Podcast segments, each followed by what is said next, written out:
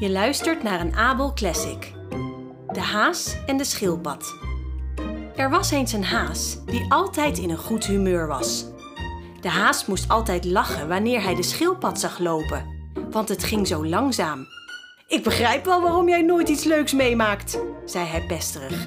Als jij eindelijk aankomt, is het altijd te laat en alles is al lang voorbij. De schildpad lachte een beetje. Vlug ben ik niet, zei hij. Maar toch durf ik te wedden dat ik eerder aan de overkant van dit veld ben dan jij. Zullen we een wedstrijd houden? Dan kun je het zien.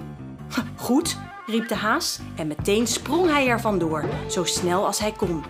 De schildpad ging heel rustig op weg. Nu was het die dag erg warm weer met een brandende zon. En de haas werd halverwege moe en slaperig. Weet je wat? Dacht hij. Ik doe even een tukje onder die heg hier. Zelfs als die schildpad me onderweg voorbij loopt, heb ik hem in een flits weer ingehaald. De haas ging in de schaduw liggen en ging een dutje doen. De schildpad kroop gestaag voort onder de warme zon. Pas na een lange tijd werd de haas wakker. Het was veel later dan hij dacht en hij keek eens rond. Geen schildpad te bekennen. Nou, nou, mompelde hij, waar zit dat vriendje? Wacht maar, ik zal hem eens wat laten zien. Als een pijl uit een boog schoot hij weg.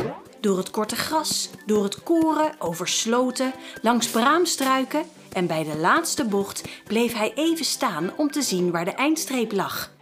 Daar! En nog geen halve meter ervoor kroop de schildpad, langzaam maar zeker, stap voor stap, dichter en dichter naar het eindpunt. Met een geweldige sprong stoof de haas erop af.